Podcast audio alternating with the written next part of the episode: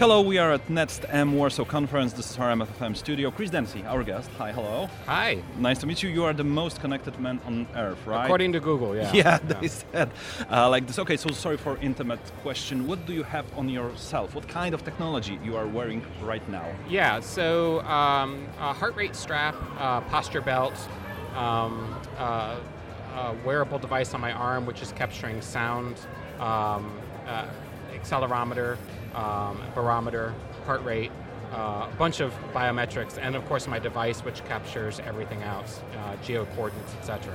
Uh, and these things work together to create a kind of mesh network of human behavior.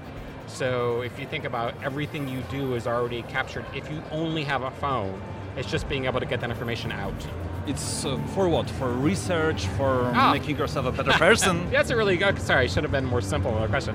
No, um, I started about 12 years ago, and I was extremely unhealthy. I smoked a lot, I drank a lot, uh, did a lot of drugs, uh, a lot of crazy sex and stuff like that. I turned 40. I'm 52 now, and at the time, I thought to myself, I really want to learn like what makes me tick and what type of situations do I get myself into. A lot of times, we don't think about what we're doing until after so I, I collect all this information because it creates a system which then saves all this information in my phone and sends me updates real time, letting me know how my mood is, where I am, how I'm feeling, etc.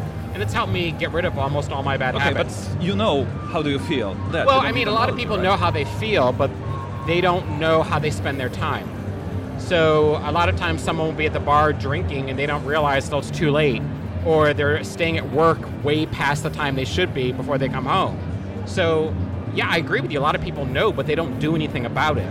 And technology actually has the ability to intervene on your effect. So on your on your behalf, I sometimes joke and say it's more big mother than big brother. Okay, we do have a problem sometimes with smoking, with drinking, with uh, having too much fats. It can help you really get rid of this problem. Yeah, so I mean, if you think about where we are today with phones, today phones and our devices perpetuate a lot of problems, right? So they help us spend more money, they help us eat more, they help us avoid our friends more.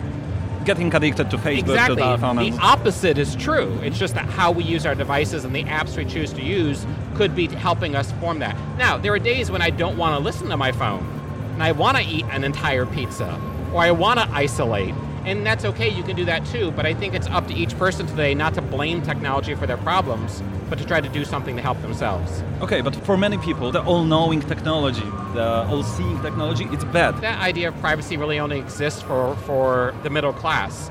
Poor people don't think about that, and rich people don't care. Mm-hmm. So I, I agree that it does seem for some people that there's a challenge with the devices surveilling them, you know, but again, I, don't- I haven't met anybody that special. Have you? No, that is true. Uh, is there any border where you can say stop? Okay, it's too much for technology to know about me. Uh, I used to measure a lot of sex and a lot of porn uh, and that sort of thing. Um, and I think what I've found is the it, the act of measuring it changed it a little bit. So, you know, I try not to do that. I also try not to use technology or be techno enhanced in places where it might distract. So theaters or plays. Where I mean, a lot of people do this naturally. They take fi- pictures of everything. But for me, I just try to show a little bit more deference to performers mm-hmm. or, and or entertainers. You know, people who are in the media. Mm-hmm. You've got to pay attention to them. If I was sitting here using my device or checking my watch every 5 mm-hmm. minutes, that wouldn't be fair to you. Okay, one question. I can imagine, for example, toilet with sensors inside. Yeah. Right? Okay, I go to the loo, I do what I have to do, and those sensors say, okay, mm, there is too much alcohol inside Yeah. you. Maybe you should not drive today. Or Yeah. maybe there is something bad in you Yeah. and you should go to the doctor. Okay, it Yeah. sounds great, but it sounds creepy as well. For you, it's great or creepy? Well, it depends on where you're at in your life. I think if you're if you're an older adult, you this happens to you whether you want it to or not. Mm-hmm. I mean, ask anyone hospice or a hospital. Everything their pee is measured, their blood is measured. So it's Mm-hmm. Okay, we know we have to go to doctor from time to time Yeah, yeah. to check everything, but, we are but- not doing this. Maybe this is the idea. I, I mean, I think people who have maybe health anxiety probably shouldn't do it, but I think there's nothing wrong with a healthy person who might want it, Mm-hmm. especially if they have children and they want to be able to watch their kids. I was just at Bayer, a big pharmaceutical company in Switzerland, and uh, you know, one of the things we were talking about creating was kind of a smart toilet pod, something you would put in a toilet. And uh, again, it's just one off. Mm-hmm. But again, I think we're making a lot of assumptions that one, somebody would have the money to buy this technology, Mm-hmm. or two, the government would even care. I'd be more worried about a company that you work for installing these toilets than a government, right?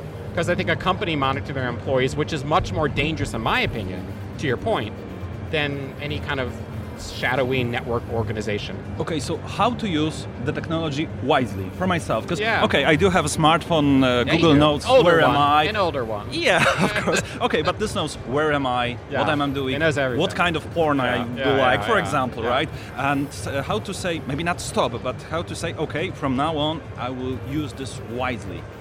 You know, Are there any rules? Yeah, I think there are some really good quick wins you can do. If you have a partner, or a spouse, or uh, any anyone, on the weekends trade phones. Let your spouse use your phone, you, and literally don't use your phone. And what that does is it forces you and your spouse to learn about each other.